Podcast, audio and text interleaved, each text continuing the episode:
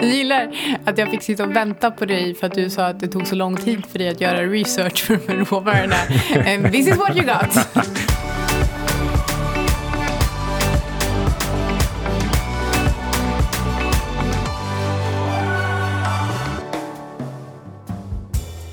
Hej, du lyssnar på Outsiders med Syding och Svan. Vi spelar in lite tidigare än vanligt och förbereder oss inför stundande julledighet. Det är den 5 december idag. Det var som fan.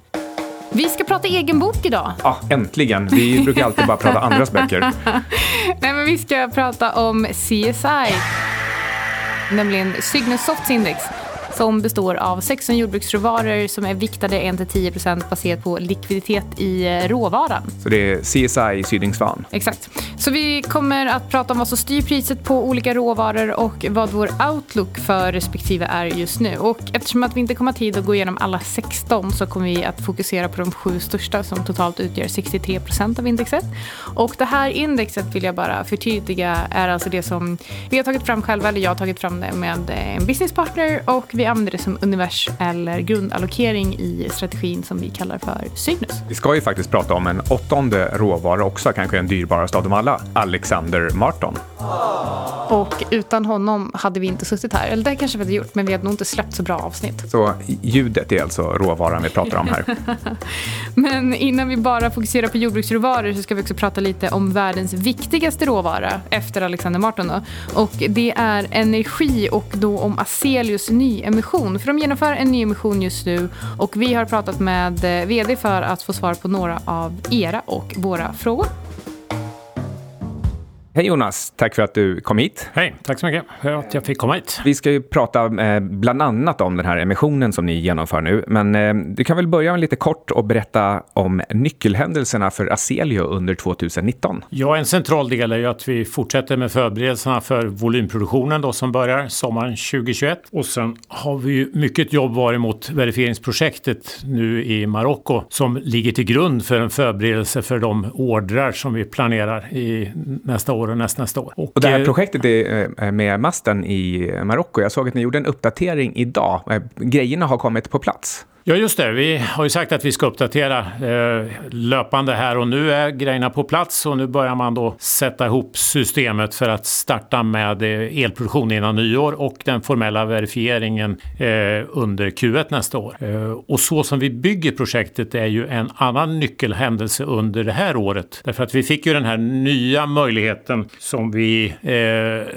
ja, visade upp i maj i år och det är ju så vi bygger eh, projektet nu med att använda solceller solceller för att med hjälp av den elen driva laddningen av vårt lager. Eh, och det här har ju också gett möjligheten att vi kan nu approchera eh, potentiella kunder på helt andra geografier. Exempelvis eh, Indien som inte fungerade så bra förut med CSB men som fungerar jättebra nu med PV, alltså solceller. Och vi kan ju också gå mot helt nya sätt att ladda lagret, exempelvis i vindkraft eller annan förnybar energi och givetvis från elnätet. Och det är också det som har gjort att vår pipeline har växt från från 50 miljarder till 170 miljarder svenska kronor. Precis, och skillnaden på de här teknikerna är att det ena då är det direkt solvärme som värmer upp lagret och i det andra fallet så använder man el för att värma sollag, eh, själva lagret. Och, och, den elen kan ju komma från vad som helst egentligen, som du säger då, antingen elnätet eller eh, fotoceller eller vindkraft. Ja, precis. Och det är klart det ska vara förnybar el som har ett behov att lagra sig. Men, men skillnaden är ju att el in för att skapa värme som vi sedan lagrar och med CSP-funktionen som fortfarande finns kvar så kan man ju då koncentrera eh, värme från solen och använda den direkt för att lagra. En annan nyckelhändelse, eller som egentligen är tre nyckelhändelser, det är ju de MOU som vi har skrivit här för eh, de första kommersiella systemen under nästa år i södra Afrika och eh, ett eh, första projekt under 2021 i Kalifornien. Och de här tre MOU har ju gemensamt en, en intention om volymleveranser 21 till 24 motsvarande 134 megawatt Eh, vilket om man läser prospekt eh, är ungefär mellan 5 och 6 miljarder kronor i omsättning. Ja, och mellan 5 och 6 miljarder i omsättning, det är ju oerhört mycket jämfört med eh, dagens börsvärde. Nu kan inte du kommentera börsvärdet egentligen, men om, om det ligger på mellan 500 och, och 1000 miljoner beroende lite grann på kurs och utspädning och sådär. Så, eh, och det finns en avsiktsförklaring i alla fall med intäkter på 5-6 miljarder. Då, ehm, ja, det känns som att eh, marknaden bryr sig inte alls om det här Biodico. Ja, jag vet inte om man inte riktigt har förstått eh, dimensionerna dimensionerna det här. Om vi har då en, en, en kvalificerad genomgången och på ett sätt av oss godkända kunder och projekt eh, till ett värde av 170 miljarder där vi har förfrågningar på det och, och eh, eh konkretiserat intresse. Och det har sedan lett till eh, ett eh, MOU eh, till ett möjlig omsättning här på närmare 6 miljarder kronor. Och i bakändan där så har vi ju en förberedd eh, supply chain och eh, monteringsanläggning som faktiskt här och nu, förutom, förutom att vi måste verifiera färdigt eh, produkten och vi måste bygga upp eh, vissa volymverktyg och volymprocesser, men vi har ju faktiskt en teoretisk monteringskapacitet som motsvarar 13 miljarder kronor i omsättning. och nu ska vi ju få ihop de här storheterna här med intresse, MOUer, supply chain och leverans, monterings och leveranskapacitet till faktiska ordrar, till förskott och till kommersiella volymleveranser. Och den absolut största av de här, det är ju det här Biodico. Kan du säga någonting om vad det är för företag? Ja, det är ett bolag då som jobbar med utrustning eller processer för biobränslen. Eh, och eh, man har ju jobbat tidigare på i flera projekt och eh, jobbar nu på uppdrag av eh, kaliforniska Energy Commission, alltså det statliga energiorganet. Eh, och det man vill göra är ju att säkerställa elleverans in till den här biobränsleprocessen processen och att den kommer då från, eh, från förnybart vind och sol. Eh, och för att säkerställa att man, eh, man har det tillgängligt dygnet runt så vill man använda vår utrustning för att kunna lagra de här eh, förnybara källorna och förnybara energin. Eh, och samtidigt så har man ju givetvis en, en eh, anslutning till elnätet. Men i Kalifornien så har man ju flera bekymmer med elnätet. Ett är ju att det är oklart vilken effekt man får tillgång till. Det kan variera och det är också väldigt svårt att säga vilket pris man tvingas betala. Vissa timmar under dygnet är extremt dyra om man vill köpa el från elnätet. Då, där vår lösning ger ett betydligt lägre kostnad per kilowattimme. Och man har ju också problem med, med bränder exempelvis. Att, eh, bygger du en processindustri kan du ju i värsta fall vara utan el i flera veckor om, eh, om du har haft bekymmer med, med en brand i närheten. Och, och allt det här vill då Biodico säkra genom att eh, bygga eh, energilagring med hjälp av vår lösning för att säkerställa förnybar energi dygnet runt. Och med tanke på hur stor den här MOU är och, och de order som det i sådana fall ska eh, bli till, hur ser Biodicos finansieringsmöjligheter ut? Ja, det här första projektet eh, för att komma igång med volymen har de ju eh, ansökt om eh, finansiering från eh, Kaliforniska energikommissionen och de har ju fått ett preliminärt eh, okej okay som då väntar på det slutgiltiga eh, beslutet. Om vi går över till eh, företrädesemissionen som håller på nu. Den började ju idag. Vi spelar in det här den 9 december. Den håller på till 23 december. Så eh, vad kan du säga om vad den betyder för industrialiseringen av er teknologi och eh, planen fram till 2021? Ja, syftet med den här företrädesemissionen det är ju att eh, finansiera givetvis den löpande verksamheten eh, och eh, att ta konstruktionen och verifieringen till eh, nästa nivå och att då eh, förbereda för volymproduktionen eh, som startar sommaren 2021. och här ingår ju jobbet med att utföra verifieringen i Marocko och ta fram den data så att våra kunder kan finansiera sina kommande projekt med vår teknologi. När det gäller just det här projektet då i Marocko med, med masten, när kan eh, vi externa investerare förvänta oss att få information om, eh, om de liksom, eh, mätdata som, som sen ska ligga till grund för finansieringsbolagens beslut? Ja, vi har ju sagt att vi ska starta under Q1 nästa år och sen behöver man ju typiskt tre till sex månader för att få fram data för ett litet projekt och sex till tolv månader för ett större och givetvis över tolv månader om man ska bygga ett stort projekt. Men för de projekt vi planerar att bygga 2020 och 2021 så är det då 3 till 6 månader respektive 6 till 12 månader. Eh, så så det är klart att vi kommer att kommunicera progress precis som vi gjorde idag. Eh, vad som händer i Marocko och löpande framåt här vad som händer och givetvis inklusive verifieringsdata sen. Eh, jag tänker mig att det fungerar lite grann som om man mäter dagskassan i en restaurang. Mäter man bara en dag då kan man inte säga liksom så mycket om vilka, eh, vilken värdering eller hur mycket man kan finansiera den här restaurangen med. Och, och samma sak blir det i, i projektet i Masten. Mäter man bara bara elproduktionen och kostnaden för den under en dag, då, då kommer man inte så långt. Men när man har mätt den i 90 dagar, alltså tre månader, då måste man liksom ändå gradvis få ganska stabila snittvärden. Eh, så jag undrar, kommer, kommer ni släppa ut någon sån typ av uppdaterade snittvärden eh, under hand eller, eller blir det nog snarast, eh, låt oss säga det är tre till sex månader, att det, det, det dröjer fem månader, så det är sista maj vi får veta någonting? Ja, när man gör den här typen av verifiering så gör man ju det med extern part och där är ju Massen i, i Marocko en, en central del. Men man måste också ha en, en, en, en, en extern verifieringspartner som definierar upplägget och eh, noggrant följer att man följer just det här upplägget. Så exakt när och hur vi det kan kommunicera, det, det eh, törs jag inte säga här och nu, men, men vi kommer givetvis kommunicera allt, eh, allt som är möjligt att kommunicera och allt som är, eh, som är tillräckligt eh, aggregerat så att det är möjligt att, att förklara det och kommunicera det. Mm. En fråga som jag brukar få, det är vilken vinstmarginal räknar egentligen Aselio med att ha? Jag tror, tror att det står i prospektet, eller ni har sagt, att den ska vara som en, en genomsnittlig eller lite högre än vanliga verkstads och industrimarginaler. Ja, vi har sagt eh, goda industriella marginaler och eh, konkret så har vi ju som ett långsiktigt mål att må, nå en ebit på 15 procent eller bättre. Ja, eh, och eh, om någon vill räkna det på eh, 6 miljarder i intäkter så, så låter det ju ganska intressant jämfört med dagens börsvärde. Ehm, en annan fråga är, gäller ju specifikt den här emissionen då och då undrar folk över själva emissionskostnaderna. De, de uppgår till ungefär 10, lite drygt 10 procent tror jag. Ja, jag skulle säga att emissionskostnaderna är väldigt marknadsmässiga och vi har ju en emission på 350 miljoner där eh, 300 miljoner är på olika sätt garanterat. Så att eh, emissionen är redan garanterad till 300 miljoner genom tekniska och genom eh, garantier. Mm, och det här har du svarat på många gånger förut, men varför är kursen satt så lågt i emissionen och spelar det någon roll?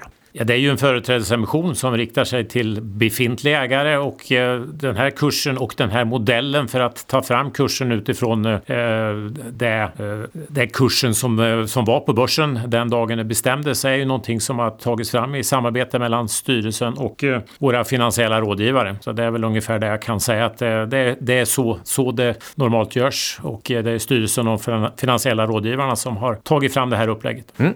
Och eh, den kanske allra vanligaste vanligaste frågan som dyker upp det är vilken energikostnad kommer, eh, kommer man nå i eh, Aselios system? Alltså här, vad kostar en kilowattimme att producera för era slutkunder? Ja, och det blir ju väldigt beroende på vad man använder för sätt att ladda lagret så att den ingående kostnaden eh, är ju styrande för dig givetvis om man, om man bygger ett nytt eh, solenergiprojekt eh, eller om man kan ansluta till ett befintligt som redan har ett överskott låter eh, laddkostnaden egentligen då blir 0,0 kronor. Eh, och det intressanta är ju att eh, analysera egentligen varje enskilt projekt och deras alternativ. Mm, så, så vad ska man då egentligen jämföra med om du tar någon slags eh, typprojekt?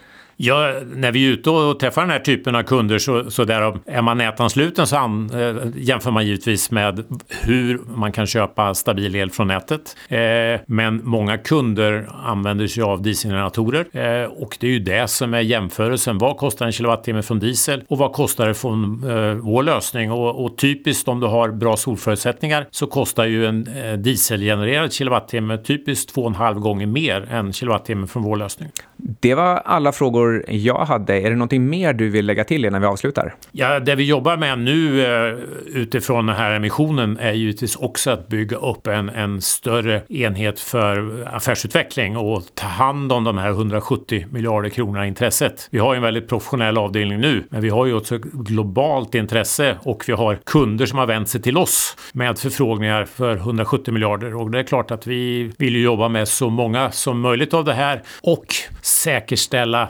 möjliga samarbeten, intressen och kommande ordrar som täcker mer än 100 procent av det, det som vi har tänkt oss att leverera. Då tackar jag dig så mycket. Tack så mycket. Men Anna, vad är egentligen Signosoft Index, eller CSI som vi kommer kalla det för idag? När jag började intressera mig för jordbruksråvaror, eller softs som det också kallas, för några år sedan så fanns det inget index som på ett bra sätt speglade den tillgångsklassen som jag var intresserad av.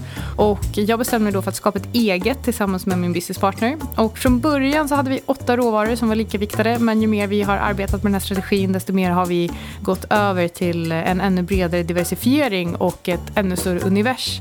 Och nu har vi landat i ett index som vi kallar för CSI och det består av 16 jordbruksråvaror där viktningen istället för att vara lika viktad baseras på likviditet. Nu gissar jag att vi kommer få höra Anna prata fort för jag vill undra vilka råvaror ingår i det här indexet? Socker, majs, vete, sojabönor, sojabönsolja, bomull, kakao, sojabönsmjöl, kaffe, råris, havre, griskött, nötkreatur, ungnöt, timmer och apelsinjuice. Ja, det var inte så snabbt. Det hann man ju nästan med. Men eh, innan vi går in på sju av de största råvarorna i indexet så kan du väl berätta lite kort om hur ni handlar de här råvarorna eftersom indexet framförallt fungerar som ett univers och en grundallokering snarare än att det är så ni är statiskt allokerade. Eh, indexet med grundallokering, alltså CSI som det ser ut idag, eh, används i första steget för att titta på relativvärderingen mellan CSI och S&P 500 och det är också därför som vi behöver ha, eh, behöver ha en grundallokering och inte bara ett univers. Och eh, när vi tittar på relativvärderingen så fattar vi ett beslut eh, om hur allokeringen mellan aktier och jordbruksråvaror ska se ut. Så vi tittar alltså på spreaden och så tittar vi på, men har, eh, är aktier dyra i relation till jordbruksråvaror nu eller inte? Har de blivit dyrare och eh, ska vi vikta upp jordbruksråvaror eller vikta ner? Och då gäller det då liksom hela gruppen, så ska vi ha till exempel precis. 40 procent jordbruk precis, och 40 procent aktier? Ja, precis. För vi, strategin består av tre delar och det är guld, aktier, amerikanska aktier och jordbruksråvaror. Så i steg nummer två tittar vi efter enskilda råvarucase inom vårt univers och enligt strategin kan vi gå både lång och kort så länge nettoexponeringen är den som vi har bestämt att den ska vara i steg ett. Och eh, det kan till exempel vara så att säga att vi är 40 procent, eh, säg att vi enligt steg ett ska vara 40 procent långa jordbruksråvaror. Då kan vi ligga 140 lång och 40 kort till exempel. Om ja, det är så att av, vi av, de, av de 100 liksom, som de 40 procenten är. Ja, exakt. Precis. Och eh, jag bara speedar på för jag har pratat om det här tidigare. Eh, och vi har också pratat tidigare om att råvaror eh, kräver aktiv förvaltning eh, och det har att göra med rullningskostnader och kontango. Vi har pratat om det här i tidigare avsnitt så jag föreslår att man eh, går in och lyssnar på det. Jag kommer inte ihåg exakt men det ska gå att scrolla fram. Och eh, därför tycker vi att, att ha möjlighet att gå kort råvaror vid behov är egentligen av, avgörande för, för om man ska kunna ha råvaror i sin strategi eller inte. Och eh, sen i ytterligare ett steg när vi tittar på enskilda råvarucase så tittar vi inte bara på enskilda råvarucase för att gå kort eller lång mot till exempel dollarn eller kort eller lång mot pundet. Utan vi tittar också på korrelationen mellan råvarorna. Så att eh, vid negativ korrelation går det att handla spreaden mellan två. Och eh, ett exempel skulle kunna vara att handla spreaden mellan råris och eh, nötkreatur. För de senaste 12 månaderna har de en korrelation på ungefär minus 0,8. Spelar det någon roll om du har en logisk förklaring till liksom någon slags bakgrund till varför korrelationen är en viss? Eller är det här rent statistiskt? Det här är rent statistiskt. Mm, intressant. Och eh, jag tänkte också bara förtydliga att du går ju aldrig kort råvaror totalt sett, utan det är ju enskilda råvaror. Ja, exakt. Precis. Nej, men precis som jag sa innan, att eh, med, när vi tittar på spreaden mellan aktier och jordbruksråvaror så fattar vi beslut gällande en, uh, allokering mellan aktier och jordbruksråvaror och uh, så länge nettoexponeringen är lång så många procent som den ska vara lång så kan vi också använda oss av, kan vi, precis som jag sa innan, 140 lång och 40 kort. Mm. Och hur screenar ni ert univers? Alltså vilka aspekter är viktiga när ni tar en position? Det är jätte, jätteblandat och beror helt på vilken typ av råvara det är. Men det är faktiskt mix mellan fundament och tekniskt. Jag fokuserar mycket mer långsiktigt på FA. Eh, min businesspartner tittar kortsiktigt på TA. Eh, och sen kan vi också hedga långsiktiga positioner om det skulle vara nödvändigt. Eh, kaffe är ett sånt exempel och då menar jag att vi kan hedga långsiktigt korta positioner eller långsiktigt långa positioner. Och kaffe är ett sånt exempel där, där vi nyligen har egentligen växlat om från kort till lång och nu finns det läge att korta igen. Men jag ska prata lite mer om kaffe om en liten stund. Mm, precis, vi ska ta en råvara i taget då och ta upp vad som påverkar priset på kort och lång sikt och vad liksom är lite olika aspekter av respektive råvara. Men först har vi ett eh, julklappstips. Vi har ju fyllt december med julklappssponsorer som vi är asglada över. Mm. Har du testat eh, CDLPs kalsonger? De har jag inte testat. Däremot så, min familj har en stuga uppe i Idre så att jag är ju uppvuxen på ett par eh, skidor. Jag gillar ju när saker och ting är snortajt och med det menar jag mina, eh, mina termobyxor. Och det går inte i någonting annat än ett par långkalsonger och jag vet att CDLP egentligen bara gör långkalsonger för män. Men eh, jag skiter lite i det. Så eh, jag ska faktiskt köpa ett par långkalsonger från CDLP till mig själv som jag kan ha under mina snortajta termobyxor och åka lite skidor med i, eh, i början på nästa år. Vill man ha det bästa så ska man ju unna sig det bästa också. Det här är ju, det är ju lyxiga underkläder i det fantastiskt miljövänliga materialet lyocell. Det andas ju extremt lent. Och det är väl lite det jag är ute efter. Ja, och eh, även här, stilren och eh, väldigt eh, fin design. Men för dig som har använt deras andra produkter, du och jag var ju på en gala för några dagar sedan och eh, då gömde du dina fötter i ett par eh, riktigt varma svarta skor. Ja, men så här, jag har ju notoriskt problem med det här att ha skor på mig och befinna mig bland, bland vanligt folk som en kostymmänniska. Och just det här med snörskor, det, det har liksom alltid stört mig. Så, men eh, med de här strumporna i bambu som verkligen andas och håller fötterna fräscha. Så då funkar det att gå runt på en gala med, med skor på mig i flera timmar. Precis, och det är ju faktiskt det här man vill ha, eh, alltså bra underkläder i eh, Lyocell. Och nu när det är gifting season så kanske man ska fundera på om man ska köpa antingen trepack CDLP-kalsonger, fempack bambustrumpor eller deras långkalsonger. Eh, och eh, det kan man göra på deras hemsida eller i egen butik på Stureplan 19 men också på NK i Stockholm och Göteborg. Så äh, sätt CDLP på din egen önskelista om du nu inte köper det till dig själv. Eller så är det som sagt då en perfekt present till din favoritperson. Vi har en liten kod att skicka med er också. Ja, och då får man 10 procent. Precis, så uppge outsiders i kassan på hemsidan eller i butik så, så blir priset ännu bättre. Outsiders.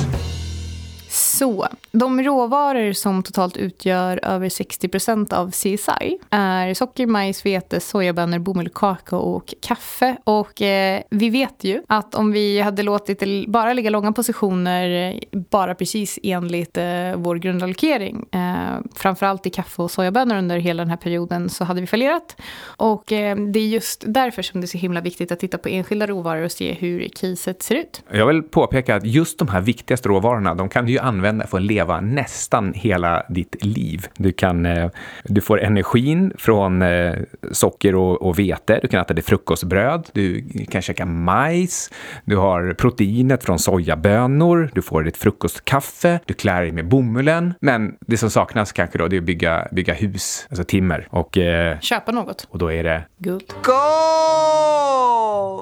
Mm, men okej, men för att det här avsnittet ska bli så överskådligt som möjligt så tänker jag att vi kan strukturera upp diskussionen kring varje råvara. Och då kommer vi prata om ett, kort om råvaran, vad den används till kanske främst.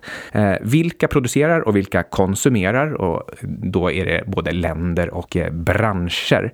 Och sen det vi alla är mest intresserade av, alltså vad driver priset både på kort och lång sikt och sen vad vi tror om priset på kort och lång sikt. Och det man ska komma ihåg när man köper råvaror så är eh, det att man i princip går kort dollarn och att man kan skydda sig mot inflation genom att köpa de här råvarorna. Det gäller när man tittar på råvaror som grupp, men sen är det extremt viktigt att ha koll på varje råvara var för sig. För precis som, en jordbruk, precis som jordbruksråvaror är olika råvaror så är inte H&M och Atlas, Atlas Copco samma bolag som drivs av samma sak.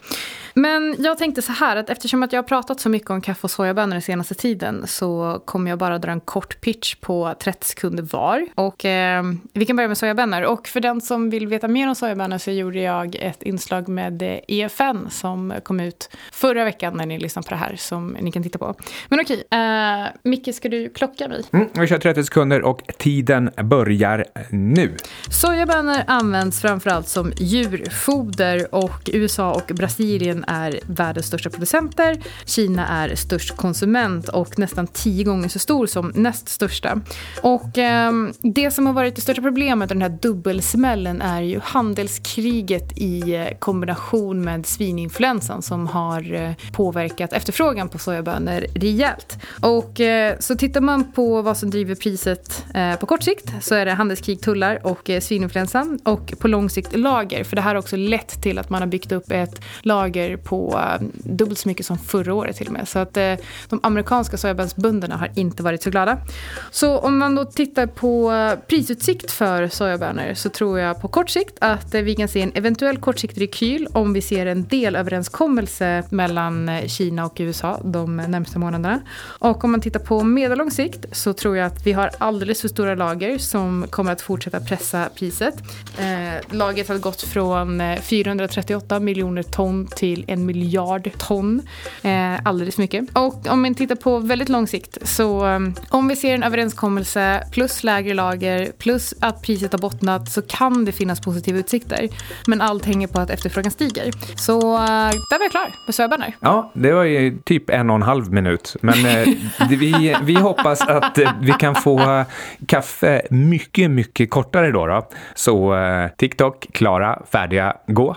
Jag tänker att jag kanske skiter i att gå in närmare på vad kaffe används till, för jag tror att de flesta av våra lyssnare har koll på det. Men Brasilien är världens största producent, Vietnam på andra plats och sen kommer Colombia. Och kaffeproduktionen, nu pratar jag om arabicabönan, väntas minska med 2,7 procent 2019-2020. Och eh, det beror faktiskt inte på lägre efterfrågan utan för att bönderna inte får tillräckligt betalt. Och USA står för nästan 19 procent av världens kaffekonsumtion och på andra plats kommer Tyskland. Och om man tittar på vad priset drivs av så är det såklart tillgång och efterfrågan men framförallt den brasilianska realen. Och kaffepriset följer valutan som eh, faktiskt gått extremt dåligt. Nyligen all time low mot amerikanska dollarn. Och det är nämligen så här att om vi har högre brasiliansk real så säljs mer kaffe i Brasilien för att då vill man sälja det eh, inom det egna landet. Eh, och det påverkar global supply som då går ner. Men eh, om den brasilianska realen går dåligt så vill man hellre sälja kaffet i dollar. Och eh, det innebär att global supply supply blir högre och därmed blir, eh, blir efterfrågan lägre än tillgången och det har pressat priset. Och priset på Arabica Coffee har mer än halverats sedan toppen 2011. Så vi kan kika lite på utsikten för kaffe. Kort sikt. Jag har precis stängt en kortsiktigt lång position, höll någon vecka. Och eh, jag tror att det kan finnas läge att kortsiktigt korta nu, men det här är ingen rekommendation. Medellång sikt så skulle jag säga att eh, det är fortfarande för stor risk med den brasilianska arealen. Och på lång sikt, och då tänker jag väldigt lång sikt, flera år. Jag tror att eh, till slut kommer tillgången vara så pass mycket lägre än efterfrågan eftersom produktionen faller att eh, priset kommer att pressas upp. Men det här är som sagt eh, väldigt långt fram. Jag tycker bara att det kändes oseriöst med det här med att Vietnam är en av de största, till och med den näst största producenten av kaffe. Det känns inte som att jag vill dricka vietnamesiskt kaffe, men, men det har jag då säkert gjort eftersom man bara köper billigt kaffe. Ska, ska vi låta dig ta över scenen lite grann? Ja, då tar vi majs här då. då. Och eh, det är väl ingen hemlighet att det används mest till djurfoder och även till bränsle, alltså etanol. Och sen eh, lite grann sådär liksom tillskott och tillsatser som eh, stärkelse och sötningsmedel. Och sen till slut pyttelite till människomat och eh, människospritdryck. De som producerar det här, ja, det är USA, Kina och Brasilien och sen är det lite andra småländer. Men, men de här småländerna eh, kan bli rätt viktiga ändå i den totala majsekonomin, så vi, vi kommer till dem. Det man använder det till i, eh, i djur, eh, som djurfoder, ja, men det, är, det är till nöt, kyckling och gris och sen även mjölkkor. Det som driver priset då, det blir framför allt bränsleefterfrågan. Det är liksom den absolut marginala faktorn och det gör ju då förstås också att det är bränsleförbrukning och även oljepris som, eh, som, eh, som är viktigt. Betyder det här att om priset på olja stiger så ökar efterfrågan på typ etanol för att det kanske är billigare bränsle? Jajamensan, så de, eh, de har närmat sig varandra i korrelation över tid, vilket ju också gör att om, om du helst vill undvika olja så kan du ju faktiskt använda majs som en proxy. Men sen har vi också vädret och varmt väder är dåligt för produktionen och skulle det vara så att klimatet av någon anledning som är outgrundlig skulle bli varmare på riktigt, riktigt lång sikt, då måste man flytta produktionen norrut och det här kan kosta och det kan ta tid. Um, men vi, eh, vi, ja, så har vi hela den här idén med geopolitik också. Det är nämligen så att Brasilien, Argentina och Ukraina, och det här är ju ganska stökiga länder och de har problem med valutorna och de har problem med politiken och det, ja, det, är allmänt, det här är geopolitiska oroshärdar. Eh, de står för 50 procent av exporten. Så man kan förstå att om de har problem och vill tjäna pengar på den internationella marknaden, då kan de pressa priset på majs. Så det, det, finns helt klart någon, en, en, liksom en, en negativ utsikt där i, i närtid på grund av de här länderna. Så eh, på kort sikt så skulle jag säga att eh, eh vi har nog i, eh, här, vi har nog bottnat säsongsmässigt. Det, det, brukar vara så att det är prisrusningar på sommaren och sen faller det på, på vintern. Men vi är inte riktigt i bottensäsongen ännu. Den kanske snarare är liksom framåt januari. Så säsongsmässigt så finns det en liten, liten nedsida till, så jag skulle inte ha någon panik med att köpa majs just nu. Och på lite eh, mer halv halvlång sikt, sådär, sex månader kanske, ja men då, då finns det ändå liksom en svagt stigande trend.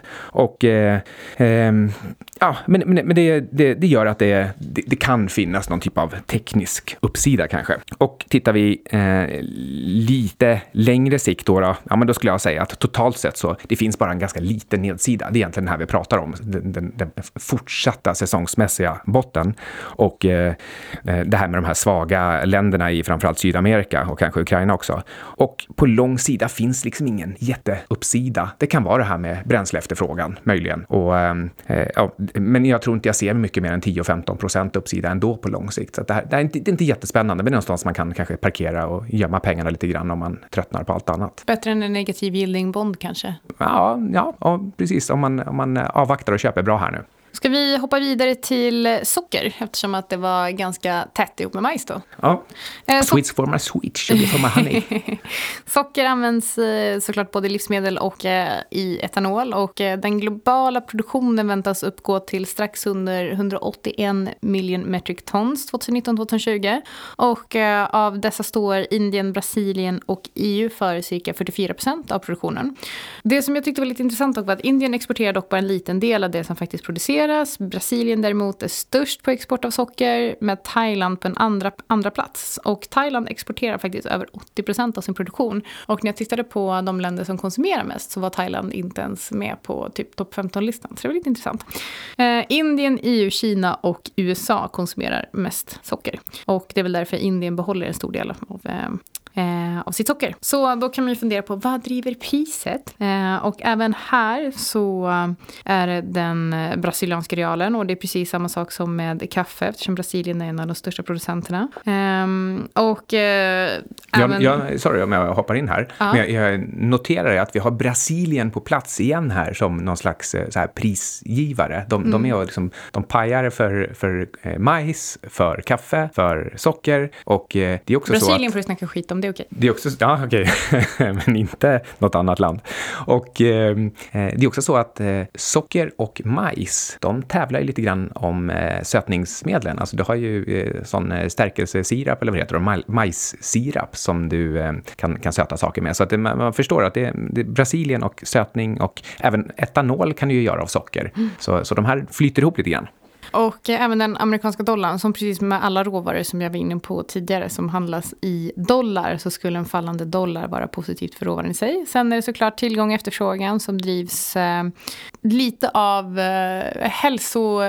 om, man är, om man är rädd om hälsan eh, har man märkt att det, ibland så kommer det ju stora globala studier som eh, säger något om att socker inte är speciellt bra och det påverkar faktiskt priset på råvaran i sig, även om eh, konsumtionen faktiskt inte faller, vilket är lite synd. Eh, men det är också efterfrågan på etanol och biobränsle som kan driva priset ytterligare. Och sen såklart väder. Och om vi tittar på eh, utsikt för socker prismässigt så tycker jag tekniskt ser det ut som att priset eh, kan ha bottnat och är på väg upp. Fortfarande lågt värderat jämfört med många andra eh, softs. Och eh, det är faktiskt något högre estimerad produktion än estimerad konsumtion. Men efterfrågan stiger något årligen, bara någon procent eller så. Och produktionen är faktiskt lägre än för tre år sedan. Så eh, det här säger ju någonting om att produktionen är mer instabil än eh, tillväxten i eh, efterfrågan. Så det kan man ha lite koll på. Så kort sikt tycker jag att det ser positivt ut tekniskt och medellång lång sikt så hänger det såklart på den brasilianska realen. Men socker är faktiskt en av de bättre agriråvarorna att ta in på både kort och lång sikt just nu skulle jag säga. Mm, Okej, okay, så eh, gärna äga socker. Jag, jag, jag, var ju liksom lite tveksam på, på majs till exempel. Jag ska prata lite om vete snart, men jag kan redan nu bara påpeka att det, där finns det också en, en tydlig koppling mellan eh, vete och majs när det gäller vilken typ av areal man använder. De, liksom, de tävlar om eh, vilken areal man använder, inte generellt, inte nödvändigtvis för hur eh, råvaran i slutändan ska användas, utan helt enkelt för att du får en visst pris per kilo för vete respektive majs. Och då blir det upp till bönderna att välja vilken vill jag odla? Och då tävlar de om arealerna och det kan ge effekter på, på priset. Nu vet inte jag hur det ser ut för, för socker, men jag misstänker att socker odlas inte riktigt i samma marker och platser som till exempel majs och vete. Så, så där finns nog inte den kopplingen. Men gossip, vad är gossip för någonting? Det är skvaller. Och bomull ska jag prata om. Det heter gossypium. Och kommer det då från att man skvallrade på bomullsfälten? Nej, det gör det inte, för det betyder typ Guds kusin. Eh, så det handlar egentligen bara om att man, eh, man skvallrar inom familjen. Det var, jag gillar att jag fick sitta och vänta på dig för att du sa att det tog så lång tid för dig att göra research för de här råvarorna. And this is what you got. you got gossypium. Okej, okay. bomull, det är lika gammalt som guld. Det har man hållit på med 8000 år. Och eh, det används framförallt till kläder. Alltså det är nästan två tredjedelar används till kläder. Så det är precis som man tror. Och resten i princip används till inredning. Alltså möbler, gardiner, handdukar, sängkläder. Alltså precis, precis det man kan eh, tänka sig. Så det, det finns liksom ingen, ingenting spännande där. Och sista 10 procenten lite olika eh, industrianvändningar. Eh, en, en, en liten sak som dök upp som jag tyckte var lite, lite kul var att 2011 så var det total panik i bomullsindustrin. Och det är ju precis sånt här som man förväntar sig ska hända i råvarubranscher ibland. Men då, då steg priset fem gånger på ett år. Så total panik bland alla producenter som kände att vi måste köpa upp all bomull. Och det, tydligen så kan det vara så liten eh, skillnad i eh, tillgång och efterfrågan. Man tycker så här, det finns ju hur mycket kläder på lager som helst, men ändå så, så kan det tydligen bli så där. Och sen kraschar det tillbaka nästan helt och hållet på ett och ett halvt år eh, för att man planterade mer och, och, och, och, kom i ordning. Så Eh, det känns, känns rätt meningslöst hela den eh, rusningen och eh, jag vet inte riktigt om slutsatsen ska bli att man kan tro, kan det hända igen eller inte? Och ja, jag tror svaret är nog att det kan nog hända igen. Ganska enkelt om eh, eh väder och vind och geopolitik och sådär eh, kommer, kommer i linje. Men jag vill understryka att jag tror inte att det är någonting sånt på gång nu, inte överhuvudtaget. Um, producenter här, det är framförallt Indien, Kina och USA. Men det man kan understryka, det är att uh, det är verkligen bara USA som exporterar. Alltså, ja, visst, Indien också, men, men USA står för en väldigt, väldigt stor del av exporten av uh, bomull. Så det är liksom de som blir um, nästan, nästan prisgivare. Och kom, kom, vill de sluta exportera eller inte? Och sen kommer vi väl till, um, till importör, importörerna alldeles strax. Och, uh, och där är det Kina som är importör gör. Så man förstår att här har vi ett handelskrig, eller i alla fall ett potentiellt. Eh, andra importörer är massa sådana här eh, klassiska klädsömmarländer, eh, vad kan det heta? Eh, Pakistan, Bangladesh, Vietnam, Turkiet. Så eh, ingenting förvånande där. Det som jag skulle säga driver priset, det är något så enkelt som ekonomisk tillväxt och då framförallt i Kina, för det är Kina som köper det här. Ja. Och det ser vi ju rätt rejält. Ja, eh, och när, och när, när Kina eh, tappar tillväxt eller när eh, till exempel ett handelskrig gör att eh, de också får, får, lite trögare i Kina, då påverkar det eh, bomullspriset. Ja, och sen är det förstås som valet då, det är, det är väder och, och, och lagersituationer. Och där har vi Indien som en liten intressant joker, för, för Indien bygger lager och det gör de bland annat på grund av att de håller på med en del så här priskontroller, prisreglering, där de eh, lagstiftar om ett minimipris för bomull eller för, ja, för, för bomullsfibrer. Och, och, och, det leder till att man antingen hamstrar eller inte hamstrar i landet. Och, och just nu så har vi en sån lagersituation som har eh, pressat priset. Och eh, eh, eftersom allting sker med eftersläpning och eh, det, du redan har haft en ekonomisk avmattning, du har, du sitter mitt i den här lagersituationen i Indien, så är min bedömning av, om jag tittar på både långa och korta grafer, är att vi ligger så lågt vi verkligen ska göra i en en, en längre trend. Så det, det, det, finns en, en tydlig, riktigt lång stigande trend och i den så sker det ganska eh, halvlånga cykler på några år och i de cyklerna så har vi nu gått ner eh, i ett, ett och ett halvt år och eh, verkligen liksom hittat en botten och, och, och snarast börjat bygga någon typ av upp och nervänd huvudskuldra. Så jag, jag skulle säga att eh, ehm, vi har en komplettering av den här upp och nervända huvudskuldran med kanske plus 5 procent på kort sikt. Och går vi igenom där, så på medellång sikt, kan man nog få lite, lite fart upp med kanske 15 procent, någonting sånt.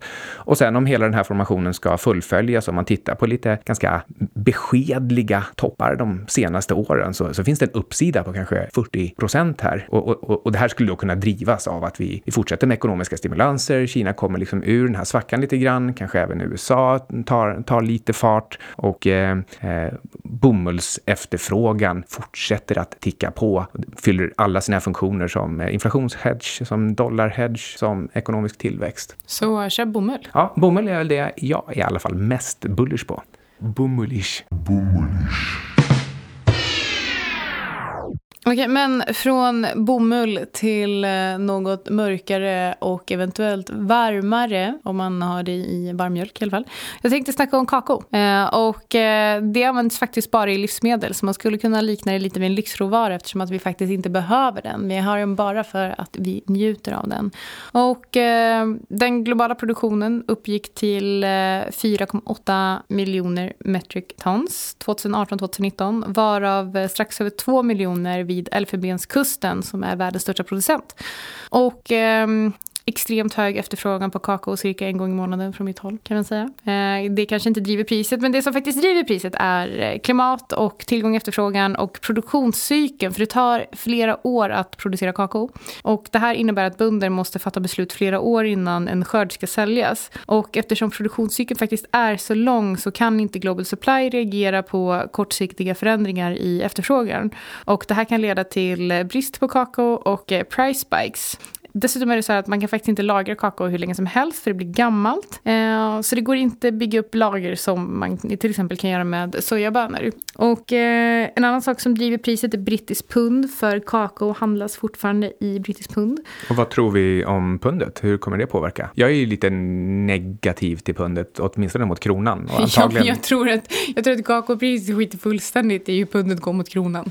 ja, men jag tror, jag, tror, jag tror pundet går svagt mot dollarn också, kanske ännu svagare mot dollarn. Ja, men det ja. tror jag. Eh. Har det någon effekt? Eh, ja, absolut. Det skulle kunna ha. Eh, något annat som driver priset är också infrastrukturen i eh, de här länderna som kakaon produceras. Ja, vad sa du? Elfenbenskusten? Ja, det är 60 procent av all kakao eh, produceras i rätt fattiga länder i Afrika. Eh, det finns ingen ordentlig infrastruktur eh, och det här gör att det är rätt svårt att transportera eh, kakao. Så, har, har, du någon koll på, växer efterfrågan på kakao? Ja. Är det bra, bra trysch? Okay. Det är bra trysch. Och, och, då kan man tänka sig att Elfenbenskusten och liknande har lite svårt att hänga med. Så det borde vara en, press, liksom en, ja. en pris prispress uppåt på något sätt. Ja, absolut. Eh, och sen så handlar det en annan sak som driver priset är konsumentpreferenser. För det är ju mer populärt nu med mörk choklad än tidigare. Eh, och det kräver ju, eh, inte så konstigt kanske, mer kakao. Jag har hört att man lever ungefär i genomsnitt 200 år längre om man äter mörk choklad. Syding bara pratar i egen bok och försöker få folk att köpa kakao så att han kan tjäna pengar på sin kakao på sin Vi ska ju prata i egen bok idag. Och dessutom, jag är ju redan 200 år gammal så det finns bevis. Jajamän. Um, ja, utsikt för kakaopriset då? Jag tycker att det ser tekniskt positivt ut eh, på kort sikt. Och det har varit en rätt bra investering. Eh, du, du och jag har haft den i våra portföljer i eh, Typ så länge som jag har förvaltat av dig tror jag. Yes, egen bok. Jajamän. Nu driver vi priset på kakao. är det, är det, visst är det så det funkar? Att om två stycken poddare i Sverige pratar om kakao, då går priset upp och då tjänar man på det och kan dumpa ut det. Ja, det här är helt klart jämförbart med typ Penny Stocks i Sverige som har 400 ägare på Avanza och en omsättning på 10 000 kronor om dagen. Sluta klaga på det jag har i mina portföljer. fan. Det är alltså Micke i sina egna portföljer, inte den portföljen som jag förvaltar. Men om man tittar på medellång och lite längre sikt så tror jag faktiskt, eller tror, tror. Risk reward är ganska bra i kakao. Eh, det blir svårare och svårare att producera, efterfrågan ökar, priset är fortfarande pressat, det finns massa uppsida, jag ser inte någon eh, superstor risk för nedsida även om pundet skulle falla. Eh, så äh, men jag skulle säga kakao, kakao är bra. Mm. Köp kakao. Och sen har vi också också den här hela eh, pilotskolan, alltså att vi har det och pratar i egen bok. Det driver väl också, som sagt. Nej, men det gör ju inte det. Jag nej, det, bara... nej, det, aha, det var skoj. Ja. ja. Undrar, undrar, hur många, undrar hur många vi har förvirrat nu. Vi bara lämnar det där. Oavsett, vi, vi är positiva till kakao på både kort och lång sikt. Met, mete? Micke? Mm, mete, nu ska vi prata om eh, mete. Vete. Vete. Mm. Gissa vad vete används till. Uh, mat, bröd och pasta. Allt jag inte får äta just nu. Ja, precis. Så det här är, och, det här är den, den tredje största, vad det nu kan heta, när man odlar saker i USA efter eh, majs och soja, så man förstår att den är viktig. Jag blev och, skitsugen på surdegsbröd och pasta nu. Ja, och ja, kakao och allt annat här inne. Ja. Um, Kina är den överlägset största producenten. Det kanske inte är jättekonstigt, men de är varken någon stor exportör eller importör, så man kan egentligen glömma dem. De håller sig för sig själva med sitt vete. Det, samma sak gäller Indien. De håller också på, de odlar massa vete, men som ingen någonsin får se. Det kan vara så att de, själviskt alltså. Det kan också vara så att de ljuger. alltså, de ska ju liksom visa höga siffror. Det kan som vara så. Elon Musk med uh, försäljningssiffror. Mm, precis. Han hittar på att de tillverkar... Skoja! Jaha, nej just det. det. Vi vet ingenting om Tesla. Ryssland däremot, det är en stor producent och en stor och exportör. Och eh, USA och Kanada är liksom nästan ännu värre. De är liksom bara så halvstora producenter, men jättestora exportörer. Så de bara odlar massa vete som de så skickar ut på världsmarknaden. Det, det kan vara intressant. Det är väl lite som eh, samma sak eh, i socker. Mm. Och, och, då ser vi här att vi har här, Ryssland, USA och Kanada. De är intressanta som, som säljare av, av vete. Vilka är köparna då? Och det är, om, man, om man hårdrar lite så är det Nordafrika. Alltså så här, när jag var liten och man gick i bibelskola, då trodde jag att det var Egypten som tillverkade allt, allt vete. Men det var, det var tydligen fel. För eh, det är alltså Egypten, Algeriet, Italien och Spanien som importerar. Och då kallar jag Italien och Spanien för Nordafrika. Ja, vem fan bryr sig om geografi, Micke? Det är Nordafrika. Okay. Toppen. Och vad tror vi om de länderna? Alltså det är inte så att jag ser Egypten, Algeriet, Italien och Spanien som liksom några stora globala tillväxtdrivare ja, när de liksom ska äta pasta och bröd. Så, eh, så, så jag är ändå lite skeptisk till eh, liksom det här efterfrågetrycket på vete. Men, men, jag var ju på middag med en tjej från Italien. Så, och hon åt pasta? Nej, men hon lagade pasta. Ja. Det är jäkligt gott. Mm. Okej, okay. eh, vad kan vi mer påpeka? Ja, men liksom så här, det som driver vädret på, på vete, eller säga, det, som driver priset på vete, ja men det är förstås väder, ekonomi, valutor och handelskrig. Det är exakt samma saker som på, på det mesta andra. Att, eh, vi kan eh, konstatera att det är väldigt låg produktion av vete i USA nu jämfört med pikarna. Så topparna eh, för liksom så 10 och, och, och, 20 år sedan, de har legat på 2,5 eh, någonting, inte vet jag, miljoner metriska ton kanske, men 2,5 i alla fall. Och nu är det nere på 1,9. Det är ganska mycket lägre med tanke på att ekonomin hela tiden växer och det är liksom inte så att man äter mindre bröd egentligen, utan det, det är för att majs tar över och det är mer spännande att odla. Jag tyckte det var jätteroligt. Två och en halv, jag vet inte vad, men miljoner metric Ja, alltså, jag tycker ändå att det är en ganska viktig detalj. Nej, det är inte en viktig detalj, tycker jag. För, alltså, här, in, ingen bryr sig om vad den faktiska siffran är, utan det intressanta är procentuella förändringen här. Så från, från 2,5 till 1,9. Så kan vi tycka olika där. Vi tycker olika om så mycket i alla fall. Eh, kubikton. An, anledningen är, just det, det är kubikton. An, Anna kubikton. Eh, metric ton lika med kubikton. Um, oh. nej men. Okay. Och, och jag ska det, inte skriva när jag har feber. Det, det är inte bara USA som har minskat sin produktion, utan till och med den totala globala produktionen föll senaste året. Och, och det gjorde att eh, världen tappade, kan vi säga, fyra års tillväxt på grund av det senaste årets nedgång i veteproduktion. Och det här är återigen, alltså det är majset som gör intrång för att man ska producera biobränsle. Det leder då till lite högre priser på vete och när det blir högre priser på vete, då börjar man odla mer vete istället och då kommer det leda till i nästa steg till antagligen lite prispress. Så det är det vi ser i steg två här. Classic. Och, eh, och då ja. försvinner alla svaga händer, alltså alla svaga veteodlare. Och nu, nu har vi då hört att jag är generellt sett lite, lite bearish på, på vete och det gäller så här på kort sikt. Jag ser inte några jättestora förändringar, plus minus 5 procent, kanske snarare minus 5 procent. Men, men det är en liten sån mini-positiv trend och det är en liten bit kvar till kanske taket i en sån trend om man nu, om man nu tror på sånt. Så det, det kanske skulle kunna gå upp några procent, men vem vill chansa på det egentligen när det finns så mycket annat spännande att köpa? Vad har vi sagt? socker och kakao och sådär. Det är lite som att inte vilja köpa guld på 1300 för att man tror att priset ska ner till 1100 och sen till 5000. Mm, precis så, precis så dömt. Och på lång sikt så ser jag då att ja, men det kommer nyplantering och eh, tekniskt så ser det inte så jättebra ut och ekonomiskt så, som jag sa då, jag tror inte riktigt på Nordafrika de kommande åren som någon slags ekonomisk drivare. Eh, däremot så skulle jag kunna se framför mig att de här producentländerna faktiskt är rätt duktiga på att få ut mer, just för att de ställer om eh, produktionen för att priserna just nu är lite högre. Och då, då ja, men jag kan se, jag kan se vete 20 procent lägre i pris om eh, några år. Så är det så att du i Cygnus vill korta vete mot någonting annat så får du gärna göra det för min del titta på lite spreadar. Jag kanske, kanske kör en eh, spread eh, vete-bomull då. Köpa bomullsceller vete? Ja, mm. ja I mean. Eh, det här var i alla fall de sju största jordbruksråvarorna som ligger i CSI.